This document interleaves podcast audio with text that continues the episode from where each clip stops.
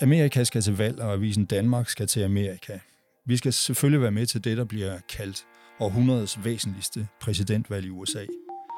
Vi har valgt at sende en journalist over, der hedder Emil Jørgensen. Han er 27 år og skal derover på en helt særlig mission.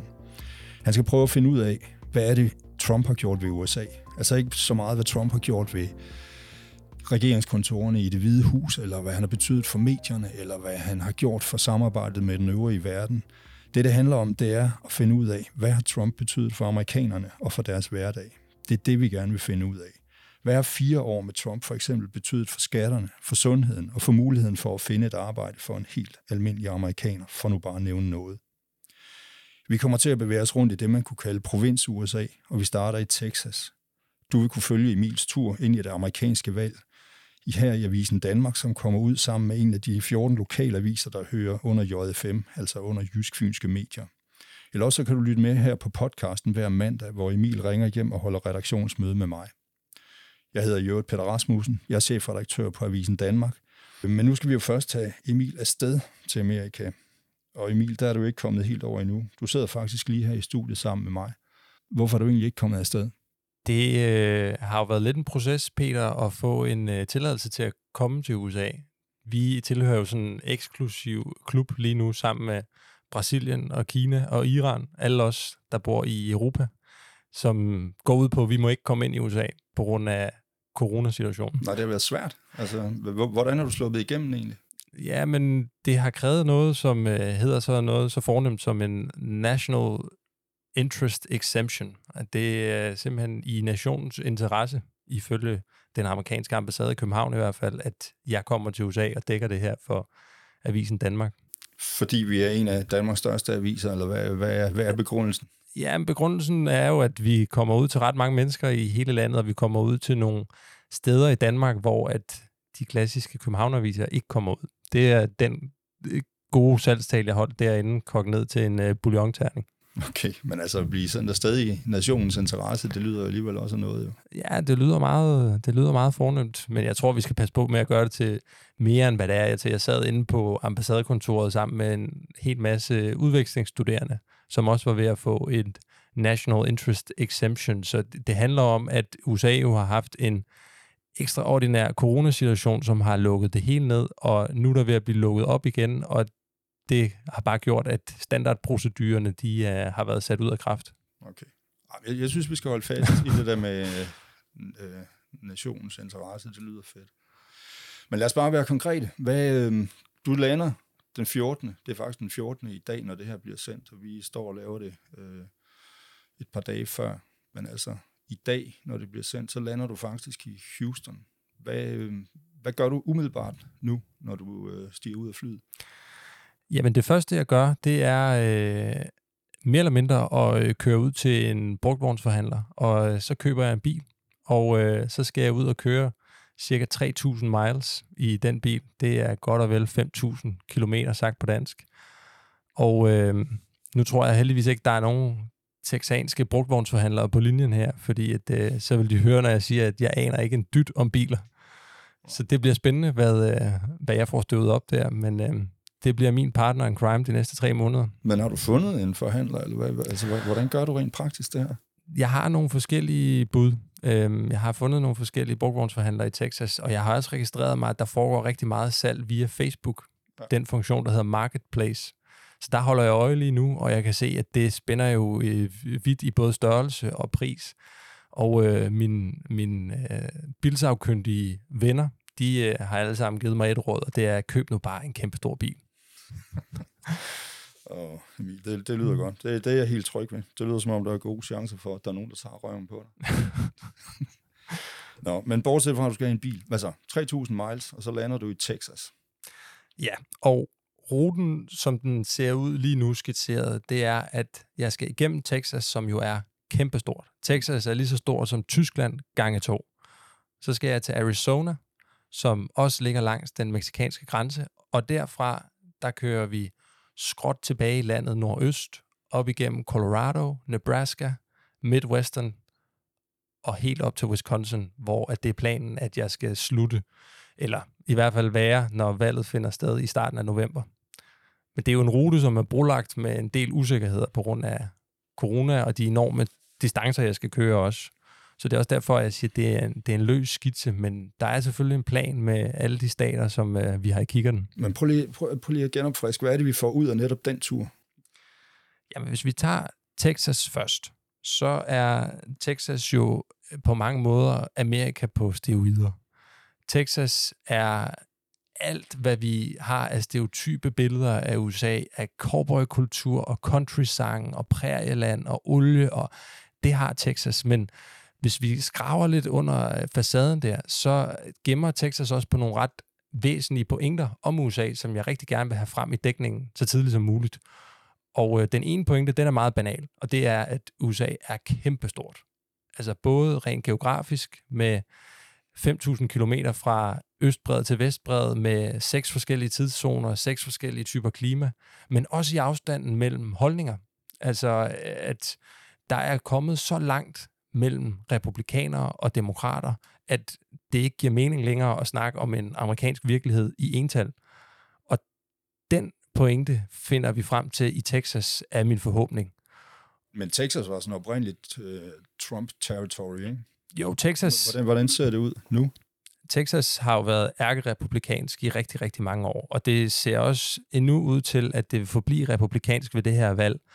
Men der sker noget interessant i, i Texas lige nu, øhm, og det er øh, en demografisk forskydning. Og hvad det betyder, det betyder, at fordi befolkningstilvæksten blandt hispanics, altså spansktalende amerikanere, blandt afroamerikanere, altså personer, der traditionelt set stemmer på demokraterne og ikke republikanerne, er så meget større end blandt hvide amerikanere, så foregår der lige nu et, et skifte i øh, demografi, at vi simpelthen ser nogle stater, der traditionelt har været Trumpland eller traditionelt været republikansk, der begynder at svinge over i øh, demokratisk standard, og det sker nok ikke for Texas ved det her valg. Trump fører med 3 procentpoint lige nu, så det er stadig ikke udelukket. Men de fleste regner med, at Texas forbliver republikansk, men om fire år eller om otte år, der kan virkeligheden se helt anderledes ud. Prøv, lige, prøv at køre videre gennem turen, altså bare lige så vi får en idé om, hvorfor de her stater er valgt. Ja, vi kommer så fra Texas til Arizona, og Arizona er jo først og fremmest øh, den stat, hvor Trump han er i gang med at bygge den meget omtalte mur til Mexico. Og øh, udover det er Arizona også en svingstat. I Arizona der er den demografiske forskydning allerede længere fremme. Det vil sige, der er så mange hispanics i Arizona, at lige nu er det, er det usikkert, om Arizona bliver republikansk eller demokratisk. Og det vil sige, Arizona er faktisk udpeget som en af de stater, der kommer til at afgøre hele det her valg. Så de folk, der er i tvivl om, om de vil stemme demokratisk eller republikansk, eller i tvivl om, om de overhovedet vil løfte deres røv fra sofaen og komme ud og stemme, de bliver altafgørende, og dem vil vi selvfølgelig rigtig gerne ud og snakke med. Men det er jo sådan på en analyseplan. Hvad for nogle historier får du hjem derfra, tænker du? Jeg vil rigtig gerne lave noget ved den meksikanske grænse. Jeg er begyndt at øh, line nogle historier op. Øh, jeg, vil, jeg har jo lært som øh, journalist på en avis, at man skal altid passe på med at love for mange ting. Så det vil jeg helst ikke gøre her i podcasten. Men jeg, det kan du godt. Jeg er jo din chefredaktør. Ja, det er rigtigt. Jamen, Peter, vi satser på, at øh, vi skal ud og snakke med nogle af de øh, militser, der øh, render rundt langs grænsen og øh, selv patruljerer og øh, føler, at de simpelthen er nødt til at tage geværet i egen hånd, fordi at øh, staten ikke har kontrol over situationen, og patruljere langs grænsen og sørge for, at illegale meksikanske øh, immigranter, de ikke kommer ind over, ind over grænsen. Og øh, det er øh, nogle, nogle behagelige typer, som godt kan lide sådan nogen som mig, men ikke bryder sig om øh, meksikanere, og øh, dem, øh, dem vil jeg rigtig gerne snakke med, også for at høre, hvad synes de egentlig om hvorvidt Trump han har indfriet det valgløfte med muren. Altså murbebyggelsen er i gang, men hvor reelt det egentlig er, og hvor meget det bare er et uh, publicity stunt, det, uh, det blaffer lidt i vinden. Jeg ved altså ikke, om jeg synes, det lyder som nogle rigtig rare typer, men hvis, du tror, hvis du tror det. Nå, videre. Hvor kører du så hen bagefter? Så kører jeg til Colorado. Colorado er jo i uh, måske en dansk kontekst kendt for det her bjergtagende natur med Rocky Mountains. Det er kendt for at øh, være staten, hvor man kan komme på bud and breakfast. Så er det kendt for fri hash jo. Jamen det er det. Bud and breakfast er netop, at man kan ryge marijuana legalt øh, på forskellige hoteller, hvilket at både amerikanere og turister gør. Hmm. Og øh, der er det jo et øh, brugerinddragende projekt, det her. Så hvis der er nogen af lytterne og læserne, der synes, det var en god idé at sende journalisten ud på sådan en opgave, så er det jo en mulighed. Men øh, udover det, så er, er Colorado faktisk også det første sted, vi for alvor har set reel forandring øh, i kølvandet på Black Lives Matter-demonstrationerne. Der er kommet politireform i Colorado, som øh, konkret betyder, at det fremadrettet ikke længere vil være tilladt for ordensmagten at bruge kvælertag. Det skal udvides brugen af øh, kropskameraer på politibetjentene, og øh, det er faktisk det første sted i USA, vi ser, at øh, Black Lives Matter-demonstrationerne har skabt reel forandring i politivæsenet. Mm. Jeg ved ikke, jeg tror ikke, du skal komme hjem med et bilag på en klump cannabis, hvis jeg skal være helt ærlig. Nå, sidste stat. Ja, vi har faktisk et sidste stat på vejen til Wisconsin, og det, den, den overser man tit. Øh, det er Nebraska, og øh, hvis vi skal sige det på sådan lidt halvarrogant måde, som jeg tror, at nogen på den smarte østkyst eller nogen på den smarte vestkyst nogle gange gør, så er det jo det, man kalder fly-over country. Det er, det er det land, man bare skal hen over. Det er det land, man bare skal køre igennem for at komme fra A til B. Og øh, derfor synes, synes jeg, synes vi, at øh, Nebraska er rigtig interessant, fordi Nebraska er også det er et af de områder, der er med til at brødføde hele USA. Det er der, hvor en stor del af landbrugssektoren er, og det er også der, hvor man finder nogle kæmpe store øh, Donald Trump-enklaver. Der er nogle af byerne i Nebraska, hvor at mere end 90 procent af stemmerne gik til republikanerne ved seneste valg. Og de typer, synes jeg, det er rigtig spændende at skal ud og snakke med os, fordi hvad har Trump betydet for dem, og har han levet op til deres forventninger? Ja, klart. Og så er Wisconsin. Så når vi til Wisconsin, som øh, er øh, endestation, hvis alt går, som det skal. Og Wisconsin fylder jo sikkert noget i mange af vores lytteres bevidsthed. Lige nu kunne jeg forestille mig på grund af Kenosha, den by, hvor der har været nogle øh, voldsomme uroligheder, som følge af den øh, afroamerikanske mand er blevet skudt otte gange i ryggen af en politibetjent mm. her i slutningen af august. Og øh, det kommer selvfølgelig på toppen af alle de her Black Lives Matter-demonstrationer, har så ført til, at der har været nogle voldsomme uroligheder i Wisconsin. Og øh, der er vi jo igen tilbage til det her med to virkeligheder, fordi at øh, hvis du spørger mange demokrater, hvis du spørger mange, der sympatiserer med Black Lives Matter-bevægelsen, så er det her en antiracistisk bevægelse, der går op med strukturel racisme i USA, der er ældre end Donald Trump. Men hvis du spørger Donald Trump, så er det her looting, rioting og violence. Altså det er haven, plyndring og udøvelse af vold. Kan du ikke prøve at samle op, hvad, hvad er situationen i USA lige nu? Altså, hvad er den samlede øh, øh, konsekvens af Black Lives Matter og den her lov og orden ting, som kører? Altså, det, det virker som om, at det kan slå begge veje. Det kan være en fordel for Trump, eller det kan være hans, det kan være hans største ulempe. Og det er lige præcis det, som alle både eksperter og amatører, de diskuterer i USA og i Danmark, det her med, at Trump er jo i en vis udstrækning i gang med at kopiere Nixons strategi fra øh, Nixons strategi fra 1968, altså det her law and order, og øh, prøver at frame de her Black Lives Matter demonstrationer som noget, der tror den almindelige forstadsamerikaner. Og den eneste kur mod den her trussel, han hedder Donald Trump.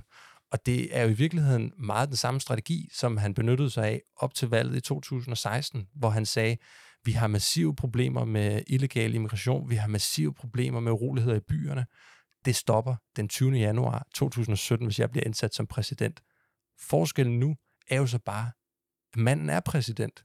Han er ikke udfordret, ligesom han var dengang, eller ligesom Nixon var tilbage i 60'erne, da han brugte den her taktik. Altså Donald Trump er ham, der burde have styr på det her lige nu. Så hvordan han kan overbevise sine vælgere om, at alting bliver bedre, hvis han bliver præsident igen, det, øh, det er jo det åbne spørgsmål her, og indtil videre har vi ikke fået et klart svar. Vi kan se i meningsmålingerne, at Joe Biden fører en lille smule mindre nu, end han gjorde for en måned siden. Så noget kunne tyde på, at den her strategi måske virker for Donald Trump, men det er stadigvæk et åbent spørgsmål. Men er det ikke også, fordi du efterlyser eller leder efter en eller anden logik i uh, Trumps måde at være på? Altså, så tænker man, det, det, det går ikke. Men er det ikke præcis det, der er kendetegnende for Trump, at der er ingen logik? Altså, kan du for eksempel beskrive hans politiske strategi lige nu?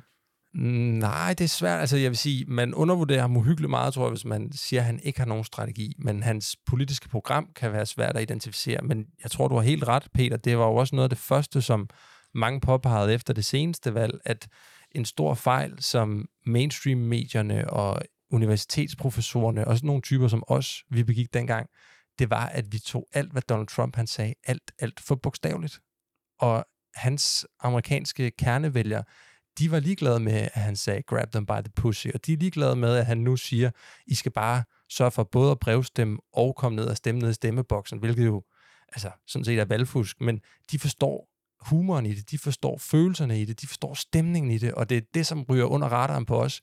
Vi farer bare op i en flint over, at nu har han sagt det, og nu har han sagt det, og der kunne man da godt frygte, at, øh, at vi i virkeligheden er ved at begå den samme fejl, som vi begik for fire år siden. Jeg tror, han er chanceløs, fordi han er fuld af løgn og, og, og, og spiller mere på følelserne end, end på konkret politik. Altså, der er nogen, der mener, at han er mere i familie med de der wrestlere, øh, altså de der fixed games og sådan noget, end han er i familie med politikere. Er, er, det, er det sådan noget, vi, vi havner i, når vi laver historier derovre tror du? Ja, jeg har også hørt andre påpege, at Donald Trump han spiller tredimensionel skak i en anden dimension, mens vi andre vi, øh, vi er på en helt anden, en helt anden plade, men jeg ved det ikke, Peter. Det er jo det, er jo det som, som jeg glæder mig til at finde ud af, og øh, har tænkt mig at spørge rigtig mange forskellige amerikanere om på rejsen også. Altså, hvad, hvordan opfatter I de her ting? Hvad betyder det for jer? Hvordan, hvordan kan du som, som kvindelig Trump-supporter leve med, at han har de her synspunkter om, om kvinder og minoriteter osv. osv. Det, er jo, det er jo det, vi i virkeligheden gerne vil have svar på også. Nå, men det lyder under alle omstændigheder som en rigtig fed tur, du skal afsted på. Men hvordan undgår vi, at det bliver hvad skal man sige, kedeligt for, for andre end dig selv? Altså, eller kedeligt, det bliver ikke kedeligt for dig, men, men det kunne blive kedeligt at høre på, at du bare kører rundt og har en fed tur. Øh, kan man komme i kontakt med dig, eller, eller hvad tænker du? Ja, det er jo øh, noget af det, som vi slår det her projekt rigtig meget op på, det er, at det skal være brugerinddragende, det skal være læserinddragende, det skal være lytterinddragende. Vi vil rigtig gerne have jer med på turen. Jeg kommer til at sidde alene i den bil, rent fysisk, men igennem et læsermøde, vi har holdt før afrejsen, og igennem, og det her, det bliver vigtigt for jer derude, og I skal spidse ører, igennem et øh, program, vi har på vores hjemmeside, der øh, kan jeg være i løbende dialog med jer, så hvis I har nogle inputs, hvis I har noget, I undrer jer over, hvis I har nogle spørgsmål, konkrete eller u- ukonkrete, al jeres nysgerrige energi det vil jeg rigtig gerne gøre til brændstoffet på den øh, køretur, jeg skal på derover. Så skriv til os via øh, Avisen Danmark.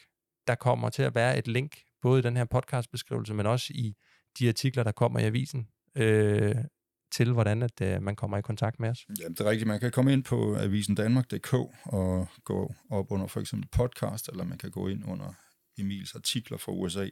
Og der vil under det hele være øh, en vej ind til at skrive et spørgsmål til Emil. Men du har, som du sagde, lige været igennem to læsermøder, før du tager afsted. Hvad, hvad, hvad var det, folk gerne ville vide?